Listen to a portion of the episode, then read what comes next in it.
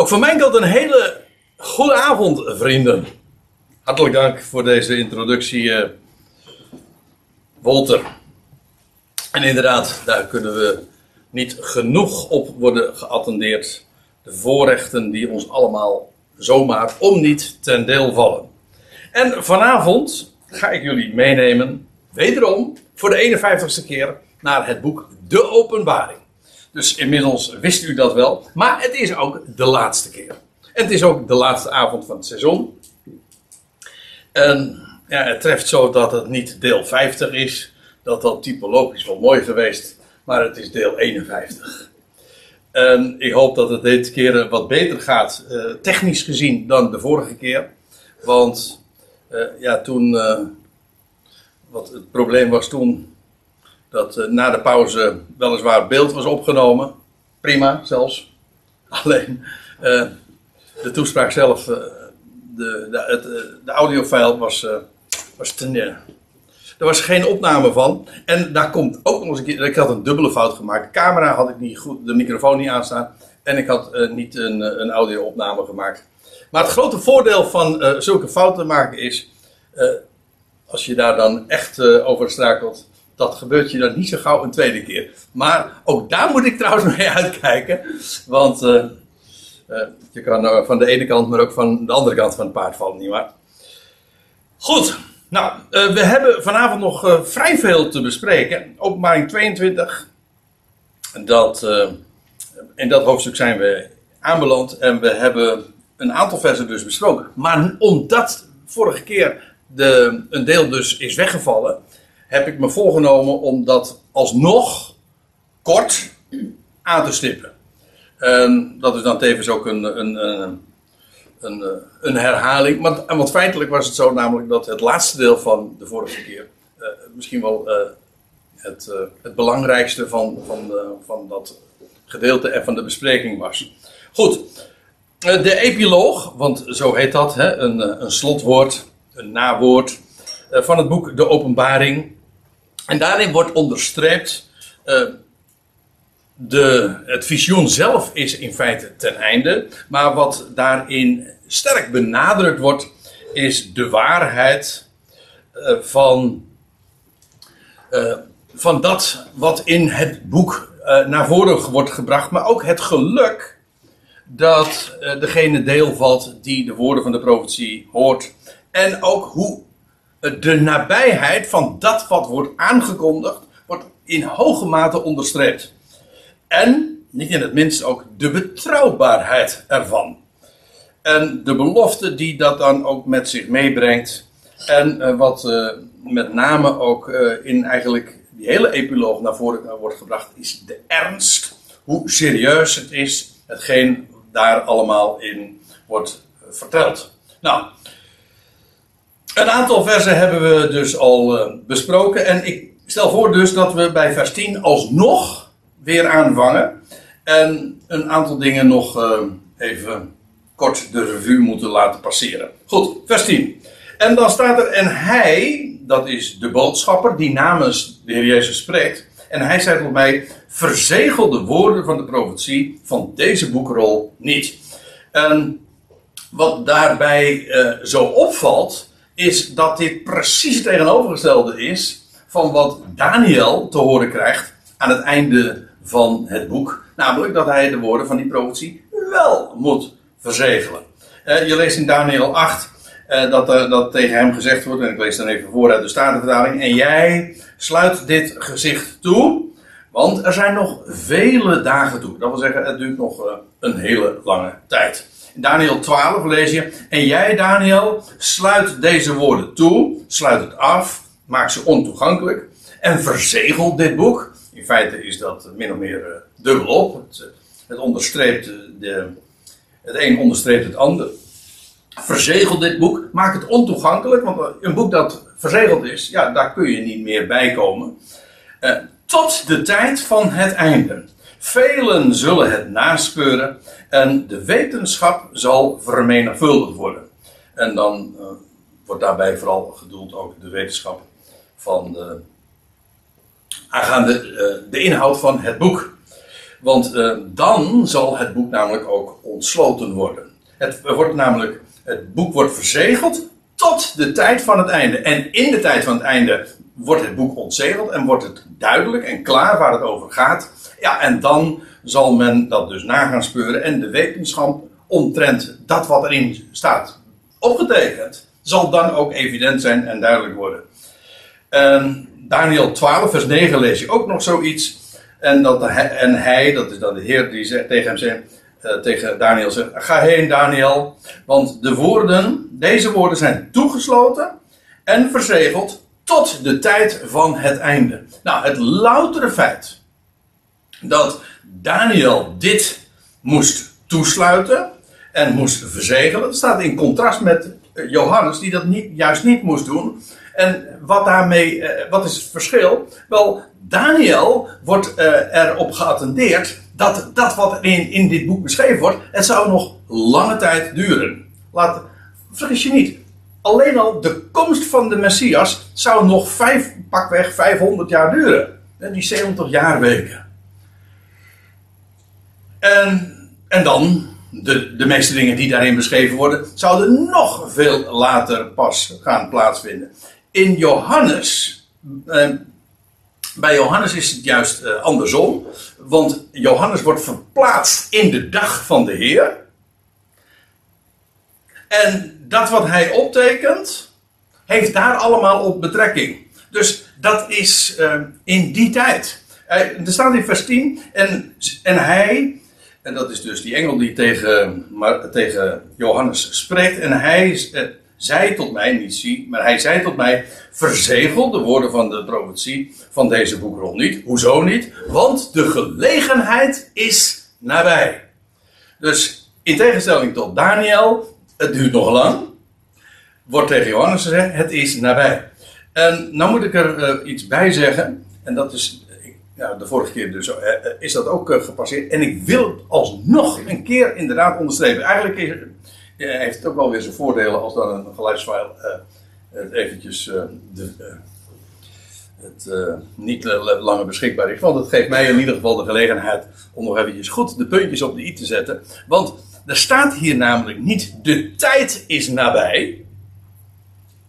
Daar is namelijk een specifiek Grieks woord voor en dat is, kairos, dat is chronos. Er staat kairos. En kairos, dat is onderscheiden van chronos. Uh, dus het is soms lastig. En ik wil helemaal niet uh, de, dat, uh, het vertaaltechnische kwesties. Uh, of daar zomaar overheen alsof dat niet. alsof dat zo heel eenvoudig is. Maar het subtiele verschil tussen Kairos en Chronos. Mogen we niet uit het oog verliezen. Als je de boeken erop naslaat, dan, zeggen, dan zeggen ze, zullen ze gewoonlijk dit zeggen. nou, niet dit dus, maar. dat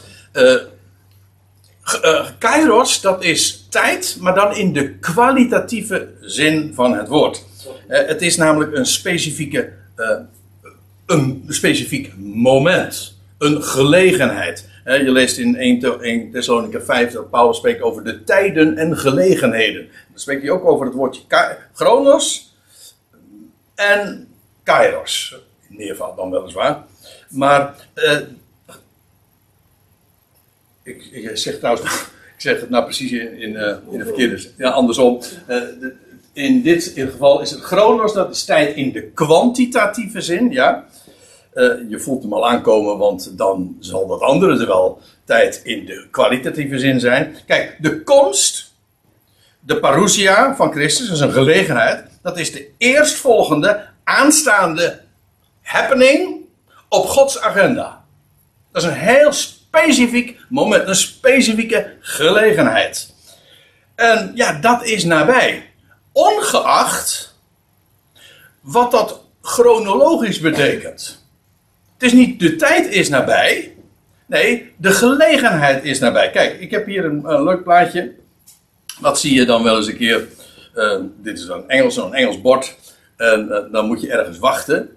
Uh, dat is de, bijvoorbeeld, ben je bij het gemeentehuis. En dan zie je van, oh, uh, ze, zijn, er, ze zijn nu nog er één aan het helpen. En dus dan betekent dat ik de eerstvolgende ben. Dat is wat, wat de gedachte is.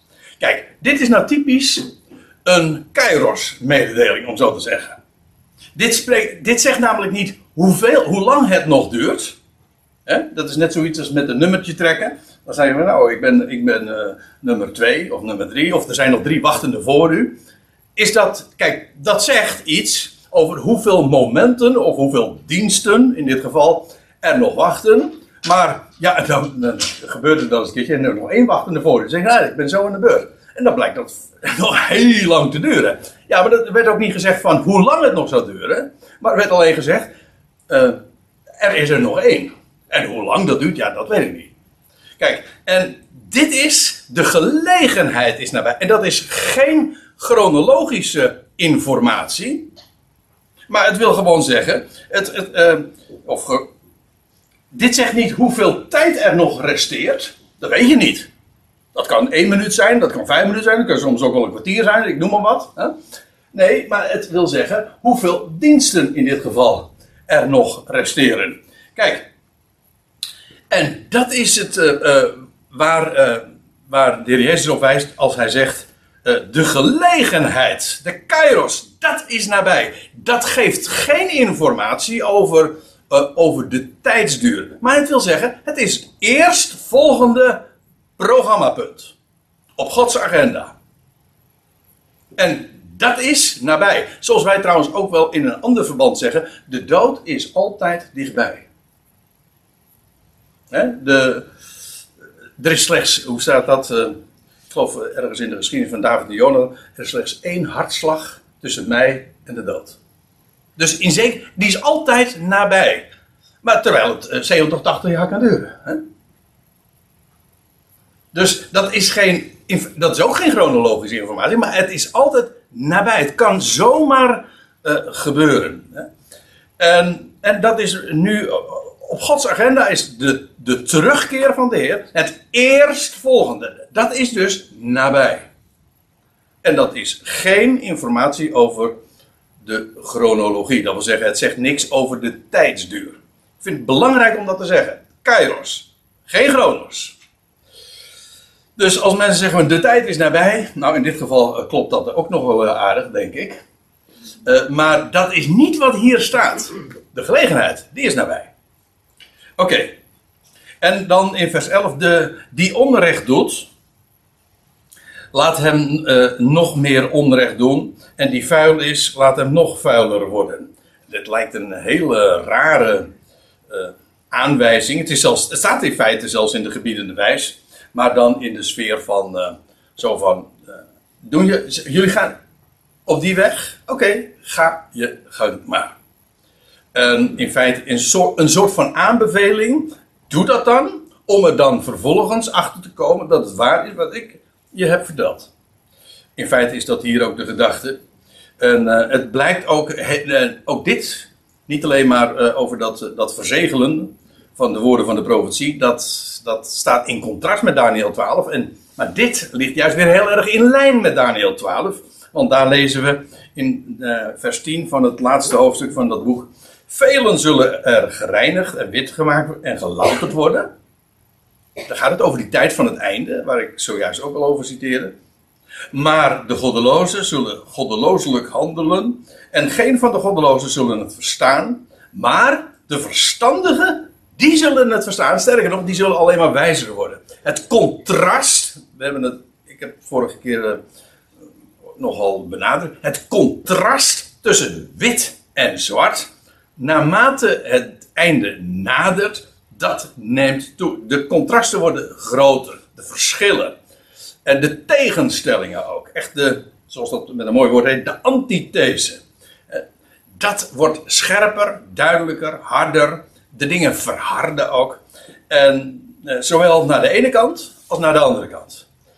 En ja, dat is van belang om te weten. Want dat betekent namelijk dat je, als je het van tevoren weet, dat dat de ontwikkeling is waar we mee uh, te maken gaan krijgen. Ik bedoel, in, uh, wij leven ook al in de aanloop. Ik weet wel, nou genoeg keren hebben we dat ook met elkaar gememor gememoreerd.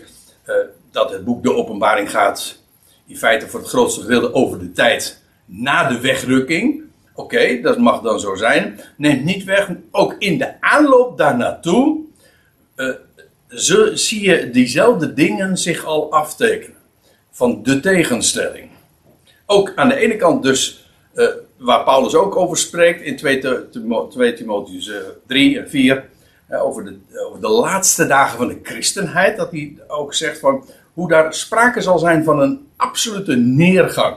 En met een schijn van eerbied hebben ze de kracht verlogend. En dat men de, de gezonde leer niet meer zal verdragen. Men, gewoon in het algemeen. En dan, is het, en dan wordt Timotheus, die enkeling aangesproken, die daar nog wel staat op het fundament. En ja, dat, het is van belang om daar op bedacht te zijn, zodat je je daar ook, uh, zeg maar, uh, op kunt voorbereiden.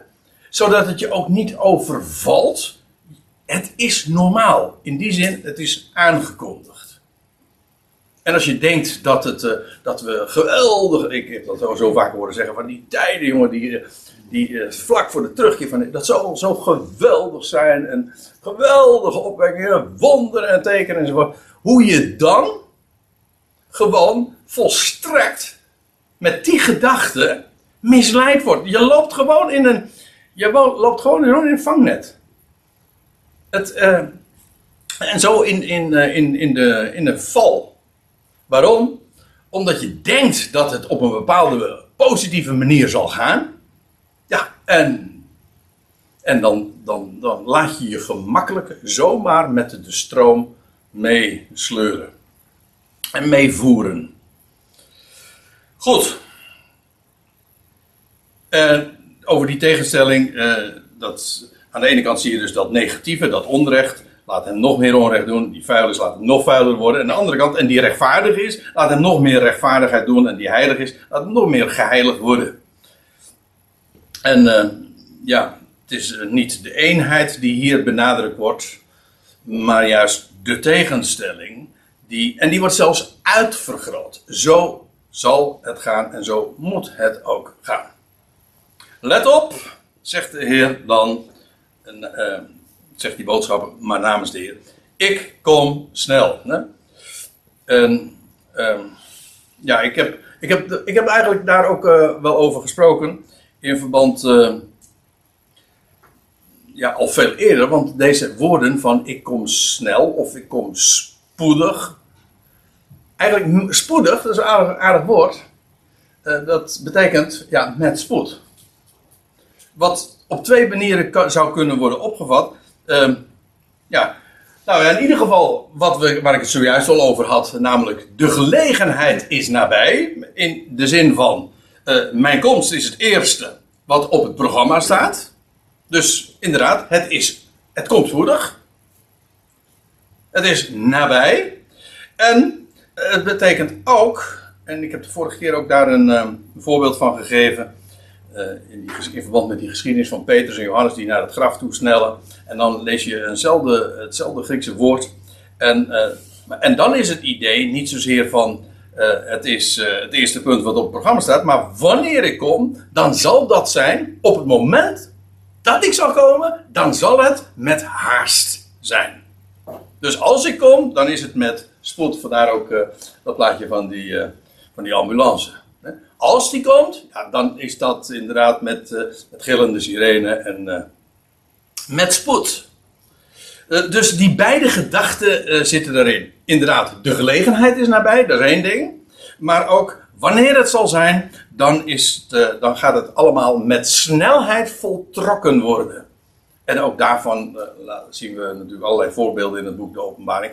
Als er eenmaal het moment is van de openbaring en de, de boekrol gaat open en de, de zegels worden verwijderd, geopend en, en, en de bezuin, ja, dan gaat het achter elkaar met spoed. En, en daar zit ook nog de gedachte in dat als God dan inderdaad op gaat treden en een grote schoonmaak gaat houden en deze aion vervangen gaat worden, deze boze aion vervangen gaat worden door de volgende aion, ja, dat is een transitie die, uh, die buitengewoon pijnlijk is. Dus dat is de ene kant. Maar juist omdat het pijnlijk is, doet de Heer het ook snel. Dat is net als met een, het verwijderen van een, een pleister. Weet je dat, dan moet je niet langzaam, dan moet je snel doen. Uh, want dat, en zo gaat het altijd met Gods oordelen. Dat doet hij in snelheid. Het is namelijk vreemd werk. Je leest dat in de klaagliederen, geloof ik. Het is vreemd werk voor hem. Het is noodzakelijk kwaad. Het moet gebeuren, maar als er dan een ogenblik duurt zijn toren. Dat zijn de verhoudingen. Het moet gebeuren, maar uh, zo snel mogelijk. Dus dat, zit, dat zijn allemaal van die gedachten die, um, ja, nou, die elkaar aanvullen. Ze strijden niet met elkaar, wat ik nu zeg. Uh, maar het zijn allemaal overwegingen die uh, min of meer ehm, ja, zich aandienen wanneer je over deze dingen doordenkt. Let op, ik kom snel en mijn loon is met mij.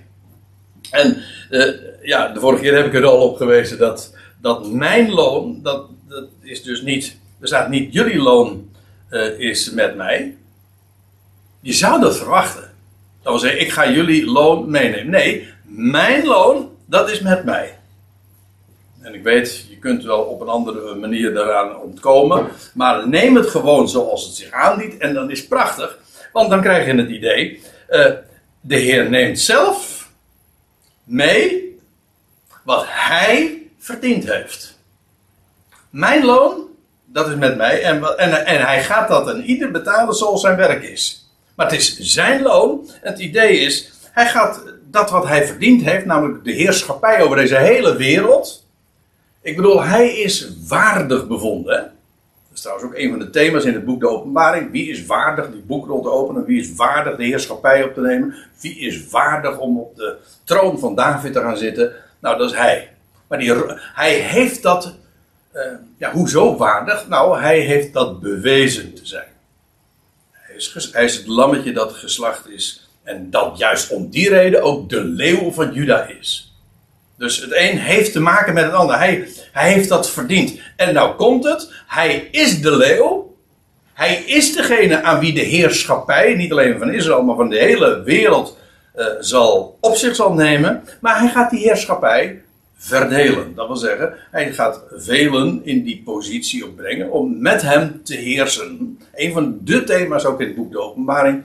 En uh, waar Israël als heerser, als een strijder van God, ook de, een, een belangwekkende taak gaat krijgen. Zij zijn immers dat volk van koningen en priesters. Zij gaan in die heerschappij van de koningpriester delen. En dus uh, het loon dat de Heer heeft, namelijk de wereldheerschappij, dat gaat hij uitdelen uh, aan een ieder, uh, ook naar hun kwalificatie. En wat blijkt die kwalificatie dan te zijn? Trouw. Trouw, namelijk aan dat wat God je gegeven heeft, en trouw aan het woord dat hij heeft gegeven. dat is waar het. En voor de rest, alle andere kwalificaties, ja, daar maakt de Heer je bekwaam voor. Hij maakt je bekwaam om de dingen te doen die hij dan voor je heeft weggelegd. Maar het komt aan op inderdaad trouw. En dan vers 13. Ik ben de Alpha en de Omega. Wacht hoor. Oh, ik moet het in deze volgorde doen, ja. Uh, ik ben de Alpha en Omega. Uh, eerst eventjes dat ik ben wie is die ik? Nou, dit zegt de engel. Die boodschapper. Hè? We, we kijken maar naar in hoofdstuk 22 vers 1, dat is die boodschapper. En in hoofdstuk 21 vers 9 was die ook al genoemd, blijkt namelijk dezelfde te zijn als degene die dat uh, hemelse Jeruzalem aan Johannes toonde. En dat is ook weer dezelfde als die een van de zeven schalen, ook leeg God, die eerder in, uh, wat is het, in openbaring 16 genoemd worden. Dus het gaat heel over een specifieke boodschapper. Jawel, uh, dat. Sorry hoor. Ik dacht dat ik er vanaf was.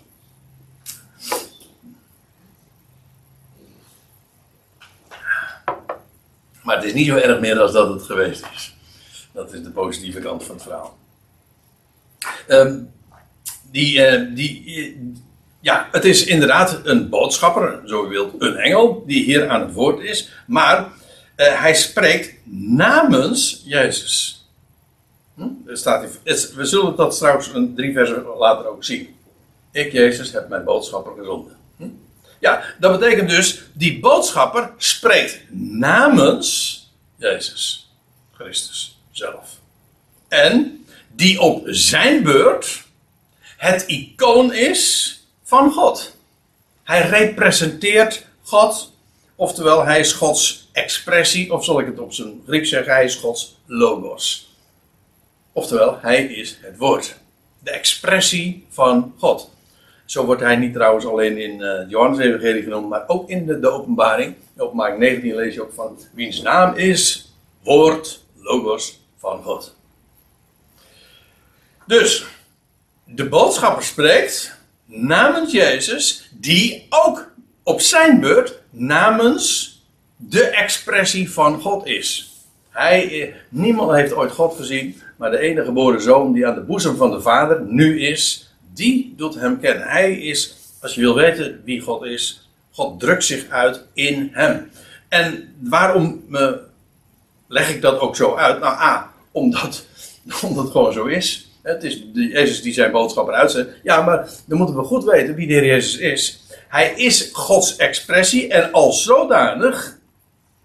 Um, doe ik het goed? Ja. De Alpha en de Omega. Oftewel, de eerste en de laatste. Je hebt, uh, dat, is, een bekende, de Alpha. Dat is eigenlijk onze A. Of de Hebreeuwse Alpha, uh, de Alef. En uh, het Griekse alfabet eindigt dan met een hele grote O, een dubbele O, weet je wel. Je hebt ook een O-micron, daar hadden we het geloof ik de vorige keer over, hè? Die kennen we inmiddels allemaal, hè? de Omicron.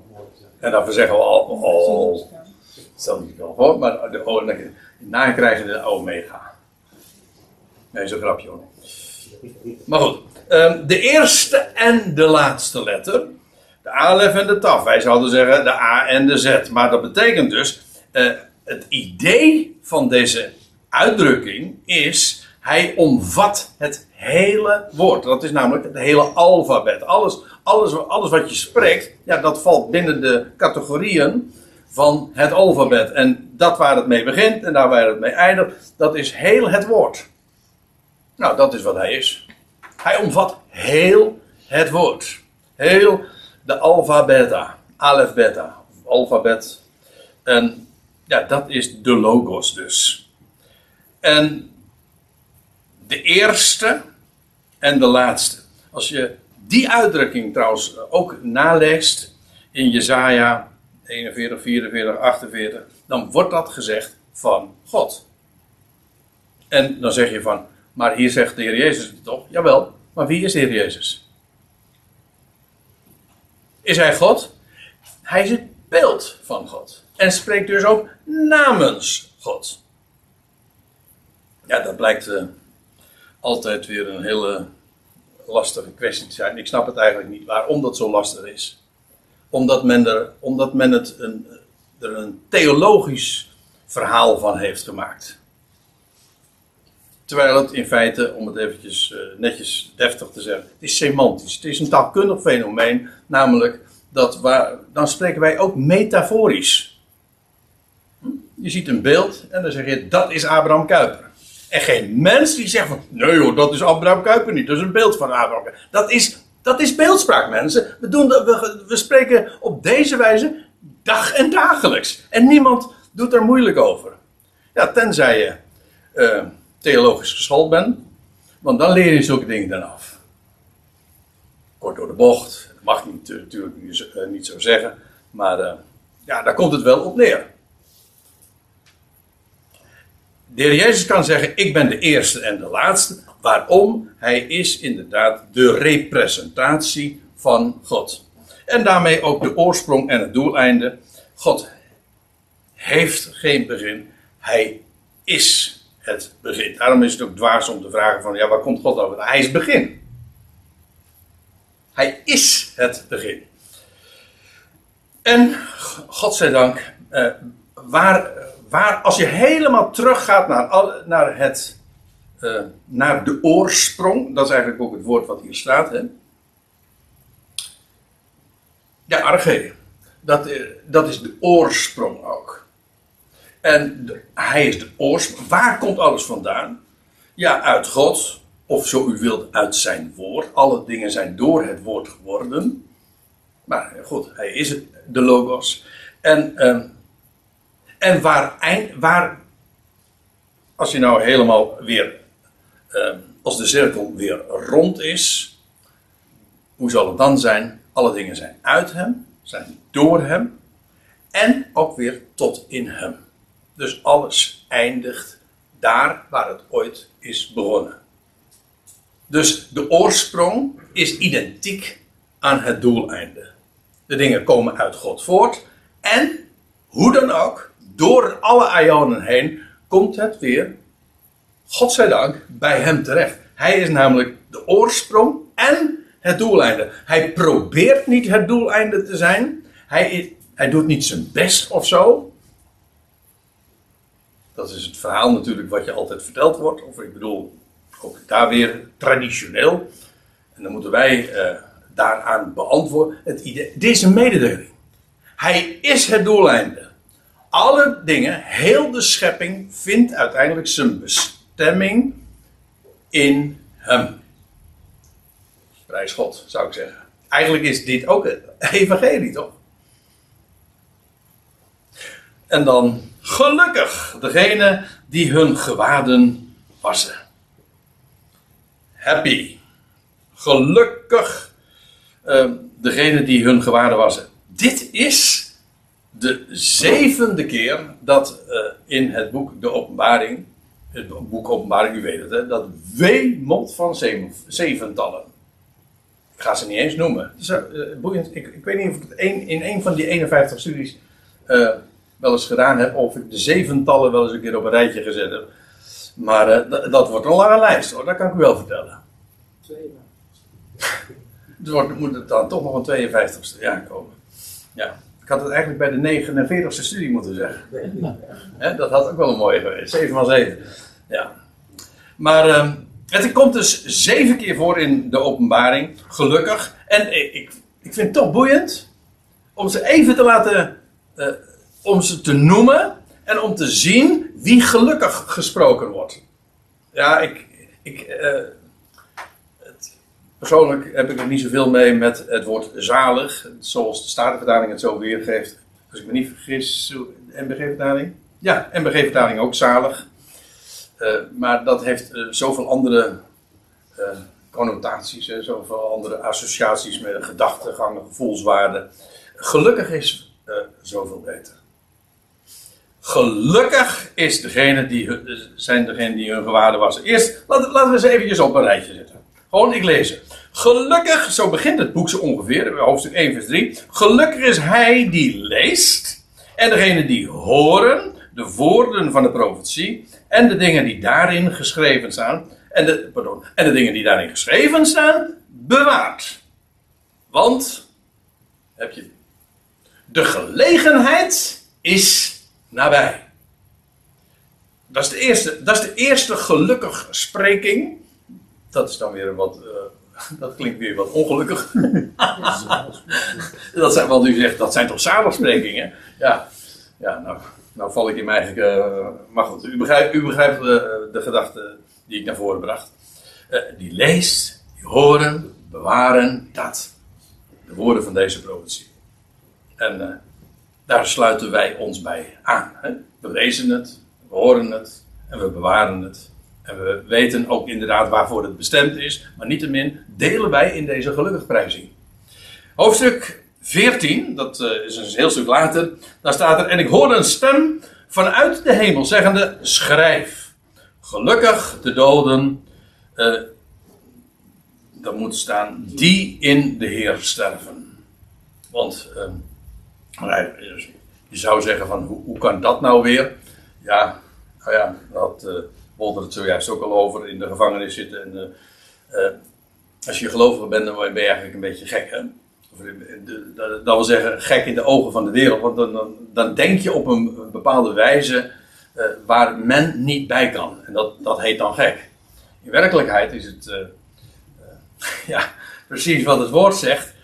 Als je namelijk. kijk, in het boek De Openbaring gaat over een tijd waar het zo heftig is. Er zullen er velen, ook velen gelovigen, omkomen.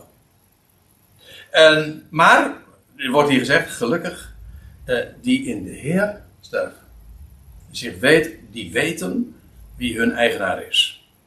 En wiens eigendom zij zijn. En ja, dan, dan kunnen ze het leven benemen. Maar gelukkig die in de Heer sterven. Dus, uh, want ja, waarom? Ja, de Heer weet ze straks weer te vinden. Op zijn tijd. En dan zegt hij: uh, Opstaan.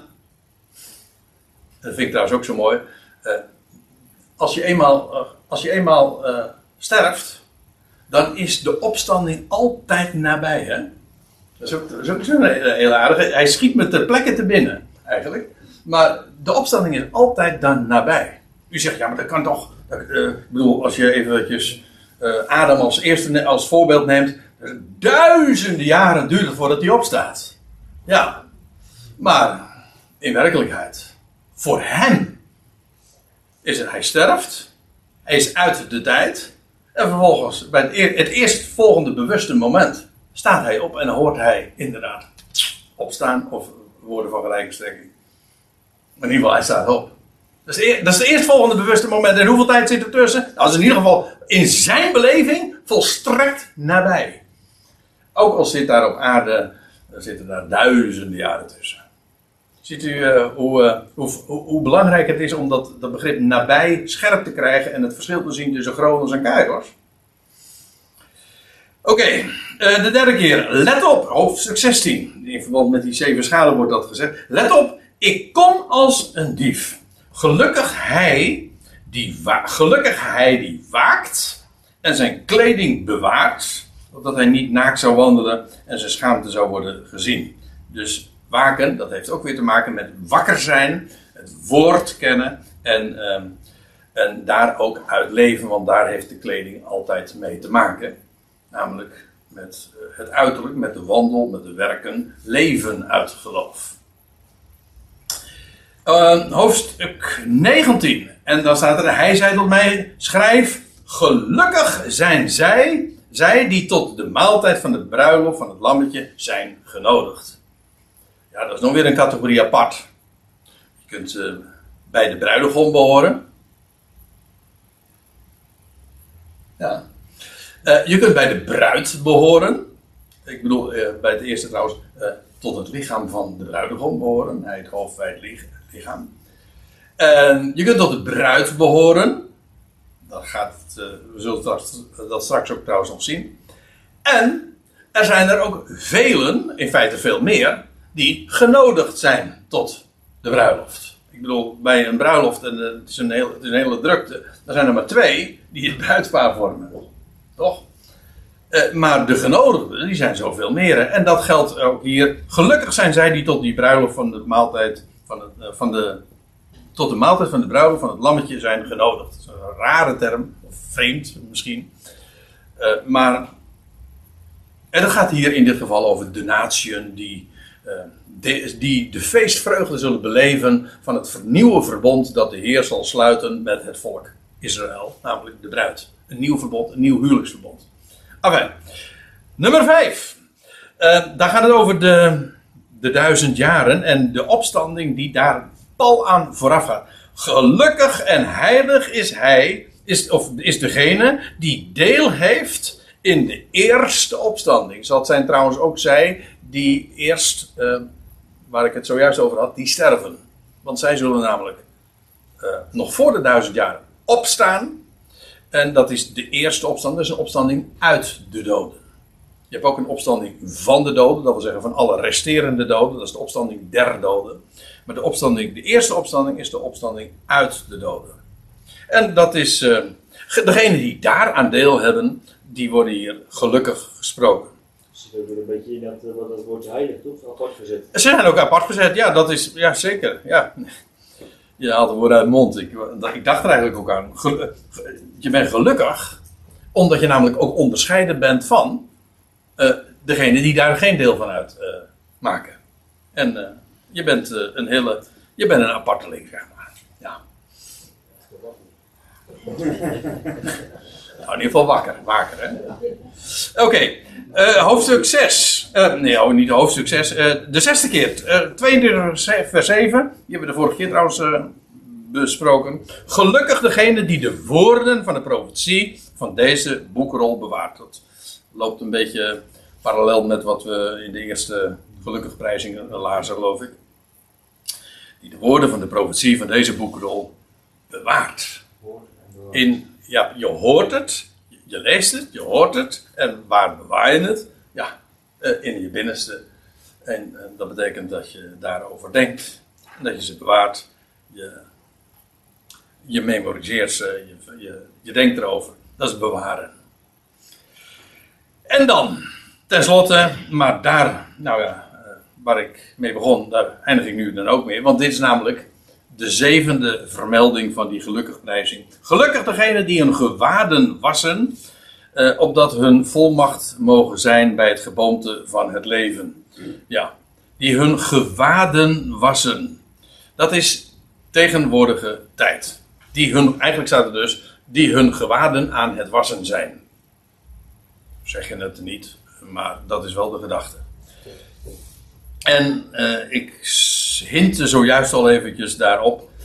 Of eh, ja, gewaden spreken, ja, dat is nogal logisch. Dat is, eh, hoef je niet doorkneed te zijn in typologie en zo. Maar het is nogal logisch dat een gewaad spreekt van de buitenkant. En daarmee ook van dat wat gezien wordt. En dus de uitwerking van dingen. Oftewel de werken. En dat verzin ik niet. Er staat namelijk van die bruid dat zij eh, in wit linnen is. En, en dan staat erbij, dat zijn de rechtvaardigheden, in de NBG-vertaling staat geloof ik, de rechtvaardige daden eh, van de heiligen.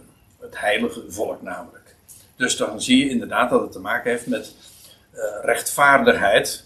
En ja, rechtvaardigheid heeft altijd te maken met geloof. God rekent geloof tot rechtvaardigheid. En als het inderdaad, eh, dat geloof werkt dingen uit. Jacobus die is daar nogal expliciet in richting de twaalf stammen. Geloof wer- werkt uit. Als, het, als niks uitwerkt, dan is dood. En ik zie daarin op zich trouwens geen tegenstelling met Paulus, want ook Paulus spreekt erover. Geloof natuurlijk heeft geloof een uitwerking. Altijd. En eh, dat zijn dan, eh, waar Jacobus dan over spreekt, de werken van geloof. En ik moet er wel bij zeggen, hier wordt in dit geval, zij worden gelukkig gesproken die hun gewaden wassen. Het gaat hier over de geadresseerden in deze in dit boek. Wie worden geadresseerd? Dat zijn de Ecclesia's. Ik zal het straks ook expliciet laten zien. Over eh, twee versen gaan, zullen we het echt ook zo zien. Eh, wat al, want je zou het haast vergeten, in het begin van het boek wordt al heel uitdrukkelijk gezegd dat de woorden van deze profetie gericht zouden worden en eh, geschreven en, en gezonden zouden worden naar die zeven Ecclesia's daar in Klein-Azië die dan in de dag van de Heer daar weer zullen zijn. En u zegt van ze waren er in het verleden al, nou dat zou kunnen. Maar in ieder geval zullen ze daar in de dag van de Heer weer zijn. Die Ecclesia's. En dan wordt die boodschap weer volop actueel. En hoezo? Gelukkig degene die hun gewaden wassen, opdat hun volmacht mogen zijn bij het geboomte van het leven. Hun volmacht, staat in de opdat zij recht mogen hebben, exousia. Maar exousia betekent, in, dat, dat is een, een, een recht dat je verleend wordt. Hè? Een, dat is wat wij volmacht hebben, eh, noemen. Je, je krijgt een macht, een recht eh, toegekend. En,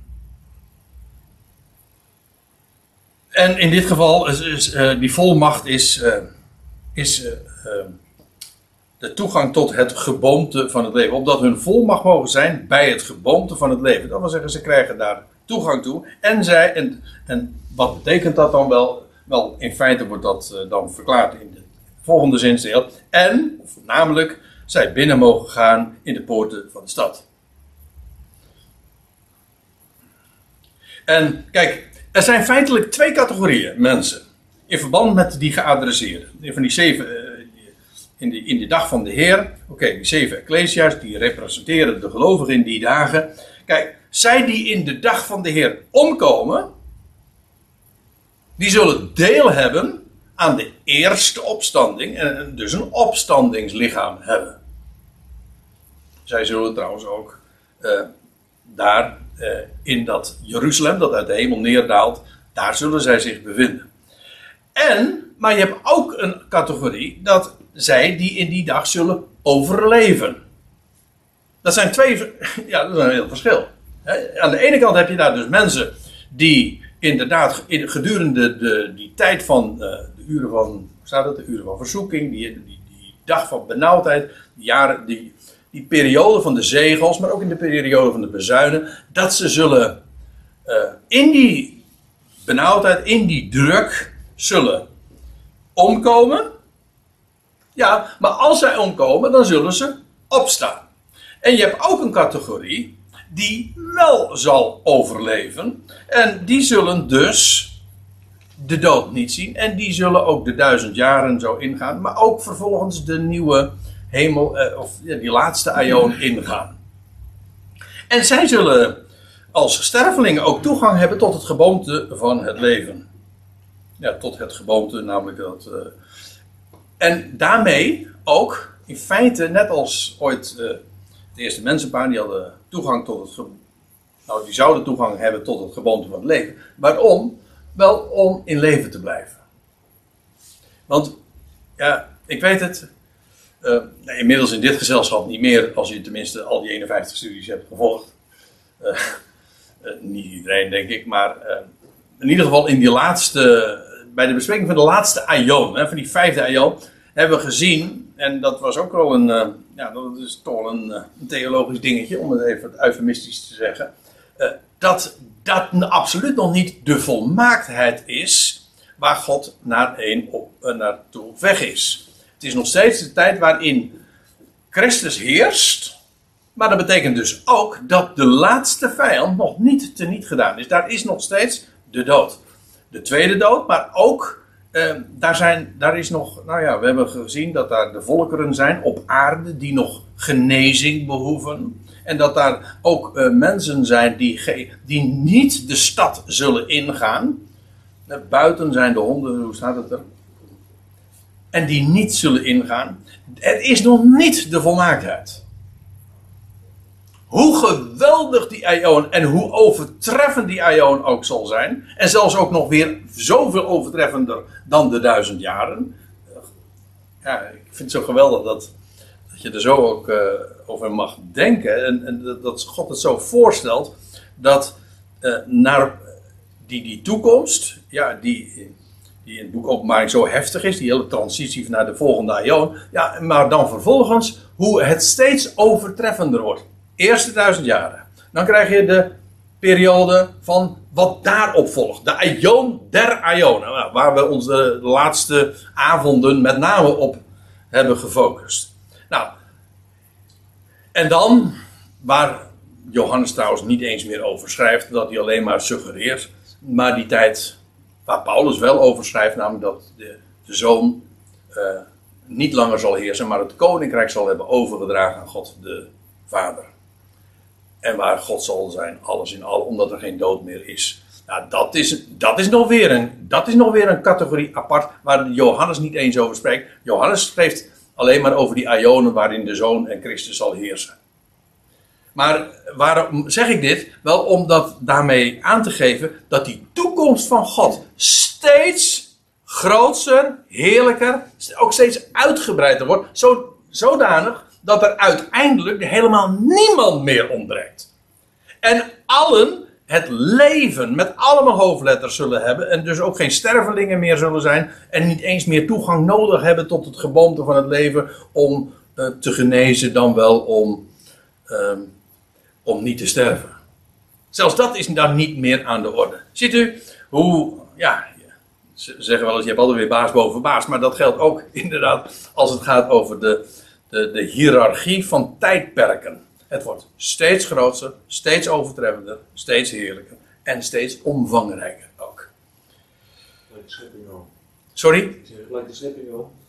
Die begon ook met eerst water en aarde, daarna met bomen, daarna met dieren. Steeds groter, ja. ja. Zo, zo, zo werkt God. Ja, absoluut.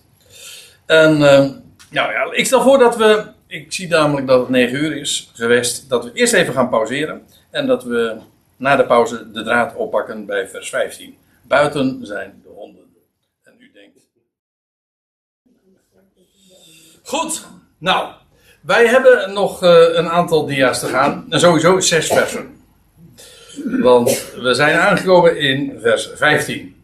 En het ging er dus over dat uh, degenen die gelukkig gesproken worden en die volmacht, recht hebben, toegang hebben tot het geboomte van het leven en binnen mogen gaan in de poorten van de stad. Buiten, namelijk buiten de poorten van de stad, zijn de honden en de tovenaars en de hoereerders. Honden hier in dit geval is uh, niet letterlijk. ja, ik ga maar niet uh, de grapjes maken uh, die we in de pauze ook wel erover maken. Nee, de honden is hier inderdaad uh, een, uh, een, een, term voor een onrein dier. En die, die met recht dus buiten horen. maar goed, de tovenaars, de hoereerders. Honden kan trouwens ook nog een aanduiding zijn voor in het algemeen voor onheilige volk. Je leest bijvoorbeeld van Israëlieten die de natieën honden hè, noemen. De, de, Heer Jezus zelf zegt dat. De kruim, de, nee, uh, het is niet goed om het brood der kinderen te geven en, aan de hondjes te geven. Ja, zegt die vrouw dan uit Cana, uh, maar die eet toch ook van de, de kruimels die van de, dat van de tafels vallen, valt. en, en dat is dan haar reactie. Maar bij, bij, bij het idee is de natieën, dat zijn, de, dat zijn eh, zij die uh, niet geheiligd zijn. Dus in feite is hond dan ongeveer een aanduiding voor wat onheilig is. Nou, uh, de tovenaars, doereerders. Staat tovenaars. Is dat ook impliciet zo dat, dat er ook nog een soort occultisme zou zijn daar? Nou, er staat farmakoi. Dat heet... En nou, oh, ik moest uitkijken bij wat ik zei over honden. Maar nou moet ik helemaal, nou moet ik helemaal uitkijken. Nee, maar het, het is inderdaad, het, ons woordje farmacie komt, heeft te maken met de to Het idee daarbij is dat, dat daar gebruik gemaakt wordt van allerlei chemische middelen die een betoverend effect hebben. En nou ja, dat is wat de farmacie dan ook doet. Al of niet positief, negatief. Ik, uh, we hebben het ooit een keer aan het laatste vers van openbaring 18. Uh, hebben we daarop ingezoomd. Ik weet niet eens meer of ik dat bij deze in de Aker heb gedaan of destijds thuis. Ik heb er ook door nog een blogje aan gewijd dat je leest over, in, in openbaring 18 over Babylon. Dat zich helemaal verrijkt met de, de. Hoe staat het er? De farmacie. Uh, goh, ik heb niet eens een bijbeltje hier uh, bij me. Uh, wie, wie, heeft er even een, bijbeltje? Ja, maar, nee, nee, neem me niet kwalijk, Al. ja, dankjewel. Want nou wil ik het eventjes zeggen. Ja, er staat, want uw kooplieden, daar gaat het over die van Babylon uh, de stad zal verwoesten. Uw kooplieden waren de machthebbers der aarde. Want door uw farmacie, farmakeien, dat, dat is het woord wat gebruikt wordt, werden alle volkeren verleid. Ja. En uh, dat de, de, de, kooplieden, en dan gaat het dus echt inderdaad over de enorme, de handel. dat vindt plaats in Babylon. En uh, zij zijn de machtigen, de machthebbers van de aarde. En, en, en door hun farmacie werden alle volkeren verleid. En, uh, dankjewel trouwens. Het idee is daar heel letterlijk ook dat je dat zou kunnen weergeven met farmacie. Gewoon. Uh, omdat die inderdaad uh, zo'n enorme. Nooit in de wereld gezien heeft de farmacie zo'n grote rol gespeeld in de hele wereldpolitiek. En ook in de handel, waarbij in feite alles drijft op de handel in geneesmiddelen. En, nou ja, daar is uh, heel wat over te zeggen, wat ik nu dus niet ga doen. Maar dat is wel het woord wat hier gebruikt wordt: tovenaars. Eh, de hoereerders. Eh, trouwens, eventjes buiten. Eh, nog even. eh, dat is buiten de poorten van de stad. En hoezo zijn ze buiten? Wel, of omdat ze in de tweede dood zijn. En dus sowieso niet in de, in, in de stad zelf komen of zijn. Of omdat ze deel uitmaken van de natieën op aarde. Die deels nog onheilig zijn. Waar ik voor de pauze ook al eventjes op eh, wees. Namelijk in die laatste aion. Waar men weliswaar op weg is naar de volmaaktheid. En binnen de stad is het inderdaad volmaakt. Maar buiten de stad, op aarde en de natieën, eh, is daar nog, eh, is daar, eh, mankeert daar nog heel wat. Met recht mankeer, mankeren er ook nog heel veel mensen wat. Omdat ze genezing behoeven van het gewoonte van het leven. Dus, ja, dat is dus inderdaad eh, het idee. In ieder geval niet in de stad. En buiten zijn de honden, de, de tovenaars, de hoereerders en de moordenaars en de afgodendienaars en die, en die van de leugen houdt en ook doet. En deze beschrijving, eh, of deze opsomming, die lijkt heel erg op die we vinden in hoofdstuk 21, vers 8. Waar staat van eh, dat wie hun deel is in, het, eh, in de meer van vuur, dat is de tweede dood. In ieder geval niet in de stad. Dat is wat heel sterk benadrukt wordt. En waarom niet in de stad? Wel, dat kan nog verschillende redenen hebben. Nou ja, die noemde ik zojuist even op. Dan, vers 16. Ik, Jezus, zond mijn boodschapper.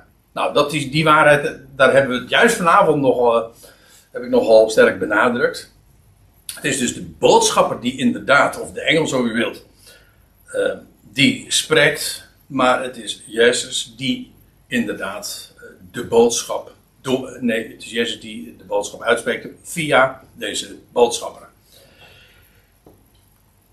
En ik, Jezus, zond mijn boodschapper om deze dingen aan jullie te getuigen voor de, eh, voor de Ecclesia's. Welke Ecclesia's? Nou, ja, die Ecclesia's die in het begin van het boek al eh, zo uitdrukkelijk genoemd waren. Die zeven kandelaren, weet u wel, ook zeven. C en die eh, in hoofdstuk 2 en 3 worden aangeschreven, stuk voor stuk. En het zijn die Ecclesia's die in de dag van de Heer ook zullen zijn. En het is ook, en ja, we hebben daar tamelijk uitgebreid bij stilgestaan. Maar het is zo belangrijk om dat te zien. Die Ecclesia's, die maken inderdaad deze dingen die in dit boek beschreven staan, inderdaad nog mee. Daarom staat er iedere keer, een stuk of vier, vijf keer zelfs, in, in, die brieven, dat zij zelf nog de komst van de Heer zullen meemaken. Dat betekent dus inderdaad, die Ecclesia's, die bevinden zich in de dag van de Heer. En ja, dat begrijp je alleen maar wanneer je ook ziet dat Johannes eh, werd verplaatst in de dag van de Heer. En eh, zo ook eh, deze dingen allemaal heeft gezien. En dan begrijp je ook dat dit inderdaad Ecclesia's zijn na de wegrukking van de, van de Ecclesia, het lichaam van Christus. En die dan in de, in de toekomst, gedurende de periode van de zegels en van de, en de bazuinen, eh, dat allemaal zullen meemaken. En daarin ook een hele belangrijke taak zullen vervullen. Want het is via deze Ecclesia's, via dat volk, dat zij vertegenwoordigen dat God zijn koninkrijk gaat vestigen. Zij zijn dat koninkrijk van priesters. Nou ja, dat is. eh, in feite, wat ik nu zeg, dat is het ABC van het boek. Hè? Zo begint het al. Als je, dat, als je daar natuurlijk al de, de boot mist, ja, dan, dan zul je van het boek zelf ook weinig verstaan. Weinig. Ik bedoel eigenlijk zo goed als niks. Dat kan namelijk niet. Als je niet inziet dat dit inderdaad gaat eh, over het volk van het, eh, dat bestemd is om een koninkrijk van priesters te zijn. En dan begrijp je ook trouwens meteen hoe eh, men inderdaad in de kerkgeschiedenis compleet eh, dit boek on, eh, volstrekt onbegrepen is gebleven. En hoe zelfs de grootste mannen uit de kerkgeschiedenis, zelfs expliciet een man als Calvijn en als Luther, die hebben niets van het boek begrepen. Dat daarvan beschuldig ik hen niet. Dat is wat ze zelf zeggen. Dus ja, hoe komt dat? Nou, dat heeft alles te maken met het niet onderscheiden van de dingen van de schrift. Ja, dan. Uh, als je niet inziet dat Johannes, uh, dat Jacobus, Petrus en Johannes zich richten tot de besnijder is, ja, dan, dan snap je van het Nieuwe Testament echt niet veel. Omgekeerd, als je het wel begrijpt, dan openen de boeken zich als vanzelf. En dan wordt, dan wordt zo'n boek als de Apocalyps een openbaring. En ondanks het feit dat wij deze bespreking nu afsluiten, een slot, het is een openbaring. Ja. Ik, degene, ik Jezus, dat is de naam die, van hem die hier in de vernedering zich richtte tot Israël, jazeker. Uh, ik ben de wortel en de verwante van David. De wortel en het geslacht van David. Of, uh, hoe zegt uh, het ras, Genos. Heeft ons, ons woordje, we hadden het in de pauze nog even over het woordje gene, genetica, Genos. Dat is, uh, dat is dit woord, de gene. Hè? En ja, dat kan ook een, inderdaad, ik vertaal het hier met verwanten. mensen die dus bij dezelfde gene groep horen, en dat kan je trouwens ook, ja, dat dat kan in, in verschillende hoe zeg je dat, perspectieven bezien worden. Hier kun je heel erg nauw zien. Dat wil zeggen, ik bedoel dit. Uh, er wordt in, ik, ik, weet dat nog zo, want uh, in de Romeinenbrief lees je dat Paulus spreekt over zijn, dan gebruikt hij dit woord, in Rome. En dan staat er bijvoorbeeld in de ene vertaling mijn stamgenoten. En in de andere vertaling zegt mijn verwanten, mijn familieleden. En de andere zeggen mijn volksgenoten. Ja, dus het hangt er maar vanaf hoe breed je het opvat. Ja, wat is een verwante? Is een neef van mij een verwante? Ja, ik vind van wel. maar is een achter, achter, achterneef ook een verwante? Nou, minder verwant. Maar ja, het hangt er vanaf uh, waar je het mee vergelijkt. Want als je het vergelijkt met een Chinees, is, is die erg verwant met mij. Ik bedoel, het is de term is relatief, zo bedoel ik het. Maar goed, uh, ik ben de wortel en de verwante van David. En die wortel, ja, het idee is, je, Paul, uh, niet Johannes refereert hier aan Jezaja 11. Want daar wordt gesproken, nou ik laat hem, laat ik hem lezen. En er zal voortkomen een twijg, een reisje zegt de MBG of Statenverdaling, uit de tronk, de stronk, die afgehouden tronk, een tronk is gewoon een afgehouden stam, hè? uit de tronk van Izzy en een lood uit zijn wortels zal vrucht dragen. En dat is die, die trouwens in, uh, op, nee, ik zeg hier openbaring 15, moet ik ook even corrigeren, dat moet zijn Romeinen 15. Daar haalt Paulus dat bewuste vers ook aan. En dan gaat het inderdaad over uh, die lood, over die scheut uit de wortels, namelijk de wortelscheut dus. En in uh, openbaring 5, vers 5 wordt het ook genoemd.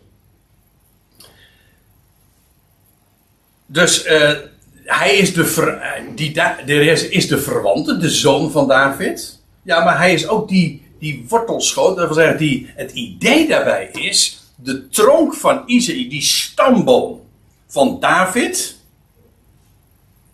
die is afgehouden. En op een gegeven ogenblik, die hele dynastie van David is abrupt geëindigd. In feite met de ballingschap. Na, na een twintigtal koningen. Ik bedoel, het huis van David heeft twintig koningen uh, voortgebracht na David. Nee, na Salomo moet ik zeggen. En, en toen is de stamboom, die hele dynastie, afgehouden. En vervolgens, je zegt, ja, dat, is, dat, dat ziet er hopeloos uit. Ja, dat, is ook, dat dacht je ook. Totdat een aantal eeuwen later er uit, dus uit die afgehouden tronk, die hopeloos leek, er toch een reisje, een twijg uit voortkwam. En hij is het. Hij is degene die, uh, die de belofte gaat vervullen. Definitief, de definitieve zoon van David. Die, uh, die uh, de erfenis, de erfgenaam is van de, op de troon van David. Hij zal zitten op de troon van zijn vader David, staat er in, in Lucas. Sorry. Nou begrijp ik waarom, uh, waarom we zeiden, god dat geluid is helemaal niet zo goed joh. je zit gewoon in die microfoon te blaffen. Ja, buiten zijn de honden. ja. Uh, ik ben de wortel en, en, de verwante van David. Hier wordt hij dus. Kijk, dit is zo mooi hè. Hij is inderdaad het lammetje dat geslacht is. Maar hij is ook de leeuw van Juda. Hoezo? Uit Juda, wel uit de stam van Juda. Meer speciaal uit de tronk, stronk van Isi, de dynastie van David. Hij is die nakomeling, die dat onverwachte reisje, dat nieuwe leven dat uit de dood voortkwam. Want zo kun je het ook nog opvatten. De schitterende ster van de vroege morgen. Of zoals de MBG-vertaling zegt, de blinkende morgenster. Ziet u? De schitterende ster van de vroege morgen, dat is deze. Dat is, ja, heeft een naam. Of zij heeft een naam. Venus is natuurlijk zij. Hè? Ja, mannen komen van Mars. Hoe was het ook weer, toch? De vrouwen van Venus. Maar, uh, uh, ja, Venus, dat is, die, dat is inderdaad de morgenster. De beroemde morgenster. En die is, die, wanneer blinkt die? Inderdaad, in het donker. In trouwens, net voordat de zon opkomt, is het het allerdonkerst. En dan uh, zie je aan de hemel, uh, vlak voordat de zon opkomt, is daar dat, die lichtende ster van de, schitterende ster van de vroege morgen. Ja, die dus licht geeft als het nog donker is. Ik denk dat dit ook heel veelzeggend is, juist in het boek De Openbaring natuurlijk. Want het idee is dat uh, het boek Openbaring inderdaad beschrijft een enorme duisternis en benauwdheid en oordelen en gerichten en zo. Zware verdrukkingen enzovoort. Ja, dan is het donker. Maar de zon der gerechtigheid, dat is trouwens ook een profeet uit de profeet Malachi. De zon der gerechtigheid zal opkomen, zal de nacht verdrijven. En zal een nieuwe dag aanbreken. En, maar vlak daarvoor, vlak daarvoor, zal uh, daar al die schitterende morgenster zijn. En ik denk dan vooral aan de tijd dat, uh, na, ook naar de wegrukking, dat daar uh, die, die, grote verdrukking die over Israël zal komen. Maar de, de zon is daar nog niet opgekomen. Nee, maar daar is wel de lichtende morgenster. Daar is het licht van hem die gaat komen. Dat zal wel degelijk al schijnen. Al was het maar in die twee getuigen die, die zullen spreken daar op het tempelplein, et cetera. Dat is allemaal, dat is allemaal het licht van de blink, van die, van die, uh, van die ster van de vroege morgen. En dus heel veelbelovend, want de, het, in feite het is een aankondiging van de dag die aanbreekt. En, uh, en wij mogen, dat is, dat is een aan, maar dat is een aanduiding die in het boek, uh, of die we bij Paulus vinden, dat wij stralen als lichtende sterren. Het idee daarbij is, het is nu nacht in de wereld. Wij hebben niet de taak, sommige mensen denken dat wel, om de dag aan te breken, te doen breken, om het koninkrijk van God vandaag te vestigen en te openbaren in de wereld. Forget it. Gaat je niet lukken. Het is zonde van de moeite die je daaraan besteedt. En bovendien, het, het zet je op het verkeerd been. En je zet anderen ook op het verkeerd been. Het idee is, vandaag is donker. Wij mogen schijnen als lichtende sterren. Hoe staat, staat er ook, nog bij in Filippenzen 2. Hoe? Namelijk het woord van het leven voorhouden, hooghoudend. Het woord van het leven hooghouden. Zo, zo schijnen we. Het woord hoog te houden en daar komt het licht vanaf. En zo scheiden. Zo, want mensen denken dat dat betekent dat je heel netjes leeft en zo. En goed. Maar het idee is, we houden het woord hoog. Door het woord hoog te houden, schijnen we ons licht. Daarin dat woord is licht, in het woord is leven, dat is alles. Oké, nou, in die uh, donkere tijd zal daar die schitterende ster zijn. En die een aankondiging is van uh, de zonen Davids, de wortelscheut en de verwanten van David. En de geest en de bruid zeggen: Kom. En dit hoort zeggen: Kom. Bekende woorden. Maar uh, moet je eens eventjes bij stilstaan. Eerst, en de geest en de bruid zeggen. En de geest, ja, dat is de geest. Ja, zo staat hier ook, hè? Die geest zegt iets. Ja, maar dat is nu juist wat geest is. Geest zie je niet. Hadden we het in de pauze nog in de, eh, in de rit hier naartoe nog over. Geest zie je niet. Nou, dat is nog een negatieve eigenschap eigenlijk. Want ja, daarmee zeg je alleen maar eh, wat het niet is. Namelijk niet zichtbaar. Maar geest hoor je wel. Dat zegt de Heer Jezus trouwens ook. Hè? Je hoort zijn geluid. Dat is met de wind ook. Je, je ziet het niet. Je ziet wel de effecten ervan. Maar je hoort het geluid ervan. En dat is met de geest ook. Hij doet van zich horen. De geest spreekt. Ehm, en dat is dus het woord van God. Logisch. Uh, er staat tot zeven keer toe. Haha. tot zeven keer toe in het boek de Openbaring. Wie een oor heeft, laat horen, nou, laat hem horen wat de geest zegt tot de Ecclesia's. Niet die Ecclesia's spreken. Hè? Niet de, hè? Hoor je heel vaak van, uh, ja, onze kerk zegt. Nou, de kerk hoort helemaal niet, niks te zeggen. Die hoort te zwijgen. en het, het is de geest die spreekt. En, en, en, de, de die luistert. Maar wie een oor heeft, laat hem horen wat de geest zegt. Ja, dat is dus het woord van God. En, die, en, die, en dat woord van God zegt: Kom. En de bruid zeggen, de geest en de bruid zeggen: Kom. De, die geest die spreekt dus tot die, de bruid. En samen zeggen zij: Kom. En de bruid, ja, wat is dat? Ja, dat is, uh, voor ons is het een heel simpel antwoord. Maar er is al wat gesteggel over geweest hoor. Over wie, nou, wie is de bruid? Ja, sommige mannen hebben ook wel dat probleem. Wie wordt de, wordt de bruid? Maar ik bedoel dit. Wie is de bruid in de Bijbel?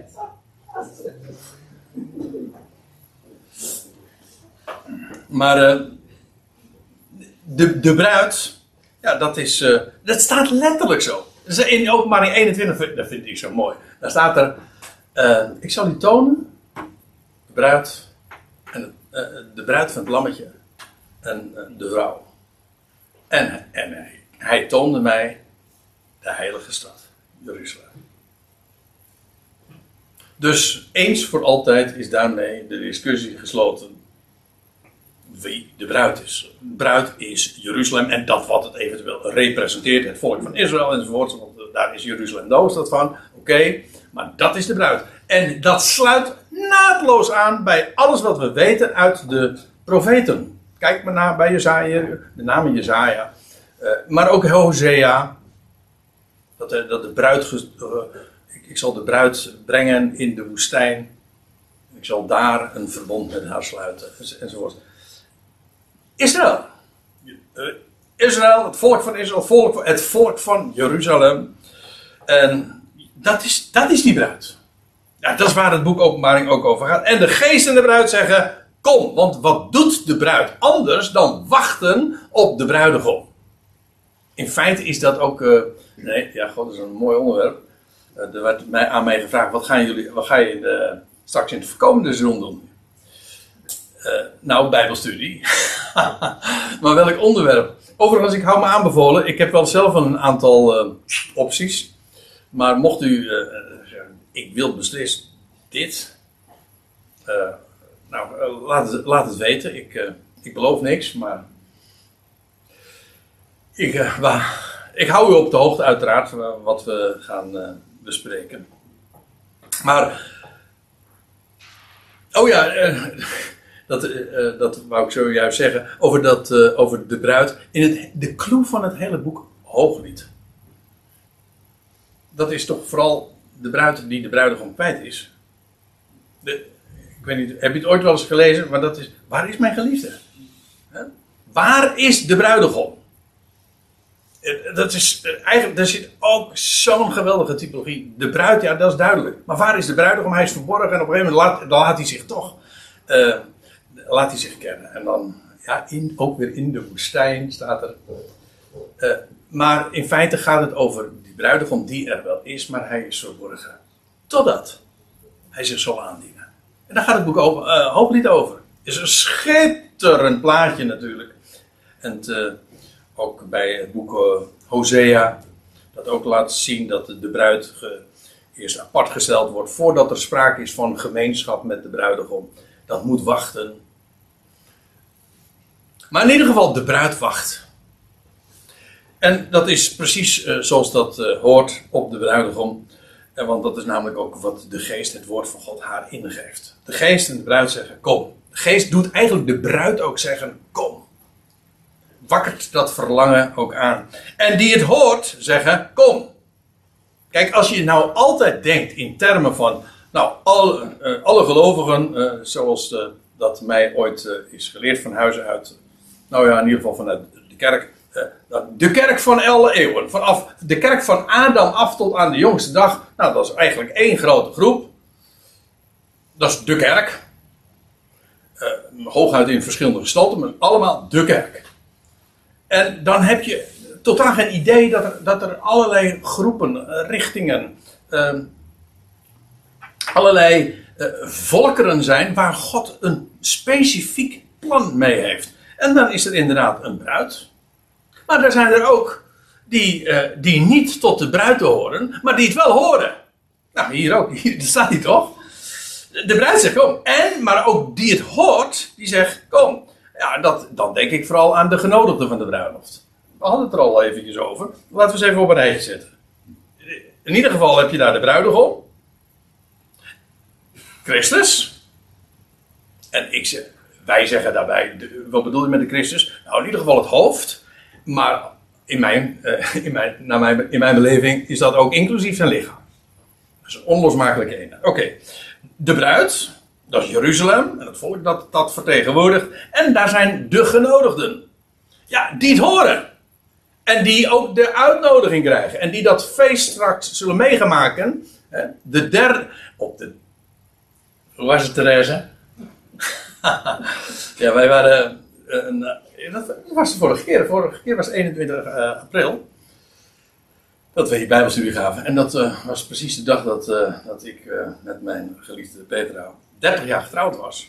En toen al wisten we al de bijzondere tijden die op komst waren. Want de, de, op de, onze kaart, de trouwkaart stond op de, de tekst uit Johannes 2, vers 1. Op de derde dag was daar een bruiloft. En ja. En op de derde, en dat is het, uh, wat er gaat gebeuren. Op de derde dag, dat derde, na twee dagen, na twee millennia, wat, wat gaan we dan beleven? Nou, een heel nieuw millennium, maar er is ook een bruiloft waarin een geweldig feest gevierd gaat worden, omdat de bruidegom, die zo lang zoek was en verborgen, die zal inderdaad de bruid in, haar, in zijn armen sluiten, om het even romantisch te zeggen. En inderdaad, er, er een verbond zal daar gesloten Een onvoorwaardelijk verbond zal daar gesloten worden. En, en dat feest gaat gevierd worden met alle volkeren. Maar het bruidspaar staat centraal in dat feest. Logischerwijs. En ja, daar gaat het hele boek over, openbaring over. En die hoort zeggen kom. En wie dorst heeft, die komen. En die wil Nemen water van leven om niet. En dat kun je figuurlijk opvatten, doet de Bijbel ook trouwens hoor. Jezaja 55. O, alle gij dorstigen. Kom tot de water. Gij die geen geld hebt, komt, koopt, eet. Gij. En uh, was er. Ik, wil het verhaaltje even vertellen. Weet en was, uh, ooit was mijn vader bij een oud-oom van hem. Piet van der Meer. En die man die was, uh, uh, die was blind, zo, zo, goed als blind. Hij was al 98 toen, 7, 98. Uh, hij is heel oud geworden, tegen de 100. En die was ook bij hem op bezoek. En mijn vader die had, die wilde, ja, die zal ook over allerlei bijbelse dingen gesproken. En ze wilde, mijn vader wilde graag na afloop nog eindigen met een stukje uit de Bijbel. En toen, en toen wilde hij zijn Bijbel pakken, maar toen bleek dat hij, uh, dat, hij geen, uh, dat hij de Bijbel had achtergelaten in zijn auto. Dus hij wilde naar zijn auto toe gaan. Want die man, dan moet ik er even bij zeggen, hij die was ook blind dus. En uh, ja, die had zelf ook geen Bijbel meer in huis. En toen vroeg die man, Piet van der Meer, aan mijn vader: welk, wat wilde je dan voorlezen? Mijn vader stond op het punt om naar zijn auto toe te gaan. En zei: Nou, Jezaja 55. En wat doet hij? Oh, alle gij. Nou ja, die, en het hele hoofdstuk citeerde hij zo Uit zijn hoofd. Dus mijn vader hoefde dat helemaal niet voor te lezen. Hij kon het gewoon zo reciteren. Uit zijn hoofd. Echt waar. Die, eh, En eh, toen vertelde hij ook hoe, eh, hoe enorm waardevol dat was. Omdat ja, hij was nu inmiddels al een paar jaar zo goed als blind. Kon in ieder geval niet meer lezen. En hoe waardevol het was om dan het woord gewoon ooit als kind geleerd te hebben. Wat hij toen zich niet realiseerde. Want ja, als je dat allemaal moet leren, dan, ja, god, dat doe je niet voor je hobby als je als kind bent. Nee, totdat het zo enorm waardevol blijkt te zijn. En dat je dat gewoon allemaal bewaard hebt in je hart. Hè? In je hoofd en ook in je hart dan. Ja, daar moet ik dan aan denken. Goed, eh, ik geef toe dat eh, voegt uitlegkundig niks toe aan wat ik eh, wilde zeggen. Maar ik, ik wil. Kijk, dat, dat echte water. Eh, eh, dat levende water, dat is uiteraard het woord van God. Zei de Heer Jezus ook tegen die Samaritaanse vrouw. En hij zei op de laatste dag van het grote feest, van het Lovuttefeest. eh, wie dorst heeft, die komen. En drinken van het water des levens om niet. Dit zeide hij van de geest, die, eh, die zij zouden ontvangen, die er nog niet was. Maar eh, als u zegt van ja, maar dat is niet alleen geestelijk waar, dat klopt. Het is ook letterlijk waar, want even hiervoor, in hoofdstuk, ja, hetzelfde hoofdstuk, in vers 1 werd al gesproken. En hij toonde mij een, een stroom van levend water. Eh, en aan weerszijden dat geboomte van het leven enzovoort. Oh, dus ook in dat opzicht is het nog waar. Levend water. Wie wil, die nemen het water van leven om niet. Letterlijk of figuurlijk, maakt niet uit. Er is uit, uit de troon komt levend water. En dat is zijn woord en dat doet, dat doet ook echt leven. Het is brood van leven, het is water van leven. Het doet alle, overal waar het terecht komt, dat, ja, daar, daar, komt leven te, tevoorschijn. Dat is, dat is wat het woord van God doet. Wie wil, die nemen het water van leven om niet. Ik getuig. Aan een ieder wordt hier gezegd, dat is de ernst trouwens, eh, waar ik al eerder van de avond, eh, in de avond over sprak. Ik getuig aan een ieder die de woorden van de profetie van deze boekrol hoort. Indien iemand hieraan toevoegt, God zal op hem de rampen toevoegen die in deze boekrol staan geschreven. Alsjeblieft. Dit woord zou zuiver bewaard worden. Er niets aan, eh, aan toegevoegd worden. Moet zich goed realiseren. Dat vind ik een hele aparte gedachte. De, de openbaring, dat is in de manuscripten, in, alle, in de Sinaiticus, in de, in de Vaticanus, in de Alexandrinus, is dat, de, grote manuscripten, is dat het laatste boek. En wat wordt er verzekerd? Het is dus de afsluiting van de Bijbel, de Biblia, de bibliotheek. En er wordt er aan het einde gezegd dat er niets aan dit boek zou worden toegevoegd. Dit is de afsluiting. Dat betekent dus gewoon, het is van deze woorden, is van, die zijn van toepassing op elk boek dat claimt een toevoeging te zijn of een completering van, van de Bijbel. U zegt uh, bijvoorbeeld, nou, uh, de Koran pleegt, uh, die, die, die, die zegt ook, van, die spreekt heel over de Torah en over de Bijbel, soms in, in lovende woorden, maar de echte, de definitieve versie, dat is de Koran. Het boek van Mormon, nee, Mormon zei ik, hè? Ik niet Mormon.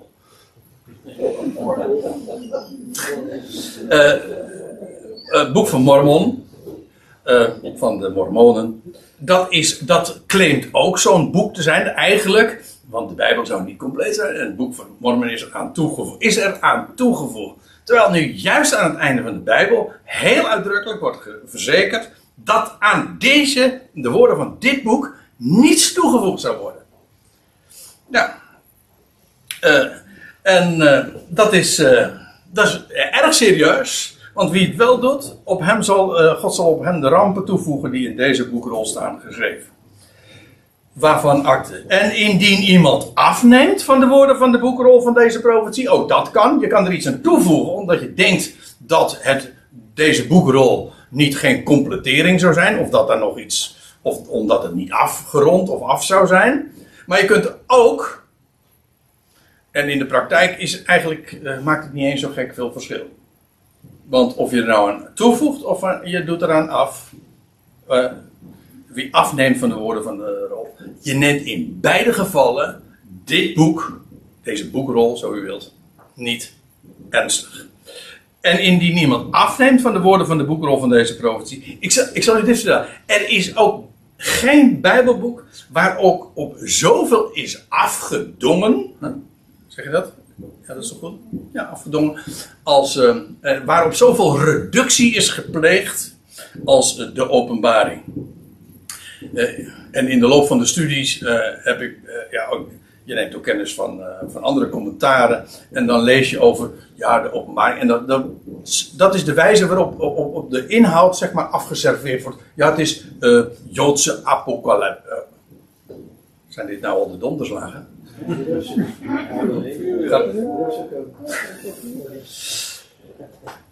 Uh, het is Joodse apocalyptiek. Nou, dat apocalypsis, dat weet ik, want dat is namelijk de, woord van, uh, dat is de naam van het boek. Maar uh, Joodse apocalyp, apocalyptiek. Uh, dat, de, daarmee bedoelt men te zeggen van, ja, het is een, het is een bepaald literair genre. En ja, dat wordt gewoon een beetje aangedikt. Dat is, nou ja, weet je, op die manier door het in feite te re reduceren tot een of andere menselijke stijlvorm. Eh, en uh, that's it. Oké, we nemen daar natuurlijk kennis van en het is knap geschreven en zo. Uh, of een overspannen toekomstverwachting, of uh, in de termen van mythologie. Want ja, een draak en een beest met zeven koppen en weet ik wat allemaal. Trouwens, heel wat dingen. Oh, dat is mythologie. Of astrologie allemaal wij, ja, manieren, wijzen waarop men zich van dat boek probeert af te uh, maken. En dan neem je, dan voeg je er niet zozeer iets aan toe, hoewel je eigen gedachten, oké. Uh, maar je doet daar, uh, je denkt erop af, je pleegt reductie op de tekst. En ja, dan val je dus in deze categorie, die hier genoemd, indien iemand afneemt van de woorden van de boekrol van deze profetie. God zal hem zijn deel afnemen van het geboomte van het leven en van de heilige stad, welke beschreven zijn in deze boekrol. Oftewel, geen deel hebben aan de toekomende Ionen. Dat is, dat is eh, in feite wat er staat. Is dat wat altijd verteld wordt, de eeuwige verdoemenis? Nee, natuurlijk niet. Dat is, ook weer, dat is trouwens ook af, over uh, toevoegen aan het woorden van de profetie. Hè? Dan staat er tot in de Ionen van de Ionen. Weet je wat men ervan gemaakt heeft? En ik twijfel erover of dat nou toedoen is of afdoen daar moeten we het nog eens over hebben. Maar ik vind ze eigenlijk in beide categorieën passen om daarvan te maken alle eeuwigheden. Daar doe je er echt van af, want er staan woorden dan in uh, die in het origineel die staan. En omgekeerd, je voegt er ook woorden aan toe uh, die er niet staan. Dus ja, eh, ja als stik genomen doe je, voeg je er dan aan toe en doe je er dan aan af. Maar inderdaad, daar spreekt de Bijbel inderdaad heel duidelijk over. Niet iedereen zal deel hebben aan die toekomende eon. Integendeel zelfs. God heeft de hele schepping op het oog, maar ieder in zijn eigen rangorde. En hier wordt ook inderdaad een beschrijving gegeven van wie in ieder geval geen deel zullen hebben aan die toekomende eonen. En als u dat nu zegt van dat vind ik niet aardig van je dat je dat zegt, nou ik geef gewoon door. Hè. Dat is wat er staat. Niet mijn vraag, sorry? Don't messenger. Ja, don't shoot the messenger. Ja, precies. Ja, ik, ik ben doorgeefleuk. Ik mag, het, ik mag doorgeven wat hier staat. Ik mag doorgeven. Ik moet doorgeven wat hier staat. ik ben veel te bang, nou ja, uh, dat, ik, uh, ik uh, dat ik daarbij zou horen. Hij die deze dingen getuigt, zegt: Ja, ik kom snel. Heb je hem weer, hè? Mijn, mijn terugkeer, ik zeg het nog maar eens een keer, mijn terugkeer staat bovenaan in Gods agenda, of zo u wilt. En als ik dan, T-Z-T, bij de Z met een hoofdletter dan eigenlijk, uh, als ik kom, dan kom ik met spoed. Ik kom snel, amen.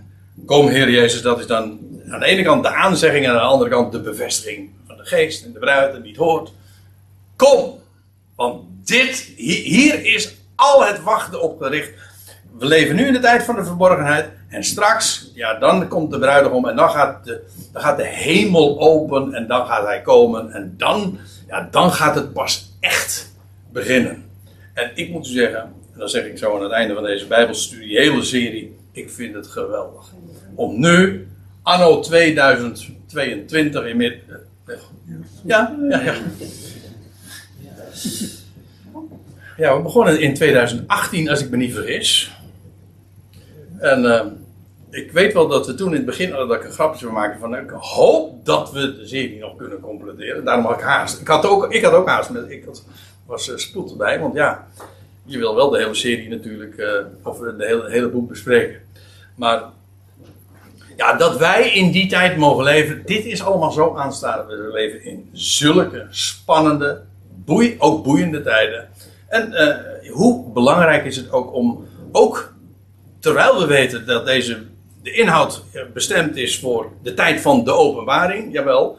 Maar dan nog kunnen we ons zo enorm uh, hierdoor bemoedigd weten, maar ook uh, toegerust te weten, dit gaat er komen. En om daardoor zo alert te zijn op ja, wat die geweldige toekomst is. Want ga nou niet denken van dat wij, ja, nou, maar dat gaat, het gaat niet over ons, dus wij hebben er gaan deel aan. Oh nee? Hij is toch ons hoofd? Degene waar het hier allemaal over gaat, de bruidegom, dat lammetje, die leeuw, dat is toch ons hoofd? Dus hoezo dat wij daar niet betrokken bij zijn? Oké, wij hebben daar ook ons aandeel in, maar niettemin, wij zijn behoren eigenlijk tot, tot, in, in, in, tot de inner circle. Ook al zijn wij niet het directe onderwerp van dit boek. Ik vind het van belang om daar goed bij stil te staan. En zo sluit het boek dan af. De genade van de Heer Jezus is met allen. Niet met u allen. Nee, ja, nou moet ik er wel bij zeggen. Uh, de Concordant Greek Text, ik heb hier een plaatje van. Uh, u ziet, er zijn. Uh, de, de, nog, die, die wijst er al op. Hij zegt. juist die laatste zinnen. Daar is in de, het overschrijven zoveel misgegaan. Juist in die laatste zinnen waar gewaarschuwd wordt van afdoen en toedoen. Dat is heel opmerkelijk. En dat is ook hier het geval, want u ziet dat hier misschien niet al te duidelijk, maar dan zie je uh, de Alexandriërs die missen deze woorden, maar de, de meerderheid van. De, de, dit is wat de tekst die in de Concordant Version staat: de genade van de Heer Jezus uh, met al de heiligen. Amen. En in dit geval, kijk, deze uitspraak zou je eigenlijk bij Paulus verwachten. Genade Heer met. Dat is waar hoor, dus ik doe er niks, daar doe ik niks van af. Maar dit is het origineel. Uh, wellicht omdat in ieder geval de meerderheid van de manuscripten dit zeggen. En het gaat hier inderdaad over die komende Ionen en de genade van de Heer Jezus, die met dat heilige volk, al de heiligen, is de genade. En zo sluit dus ook de Bijbel af. En daar ben ik heel erg blij mee. En het is vijf over tien, dus hoog tijd om uh, deze bespreking af te sluiten. Dit was het laatste woord over de openbaring. Nou ja, in deze bespreking dan. Want uh, het laatste woord is hier nog.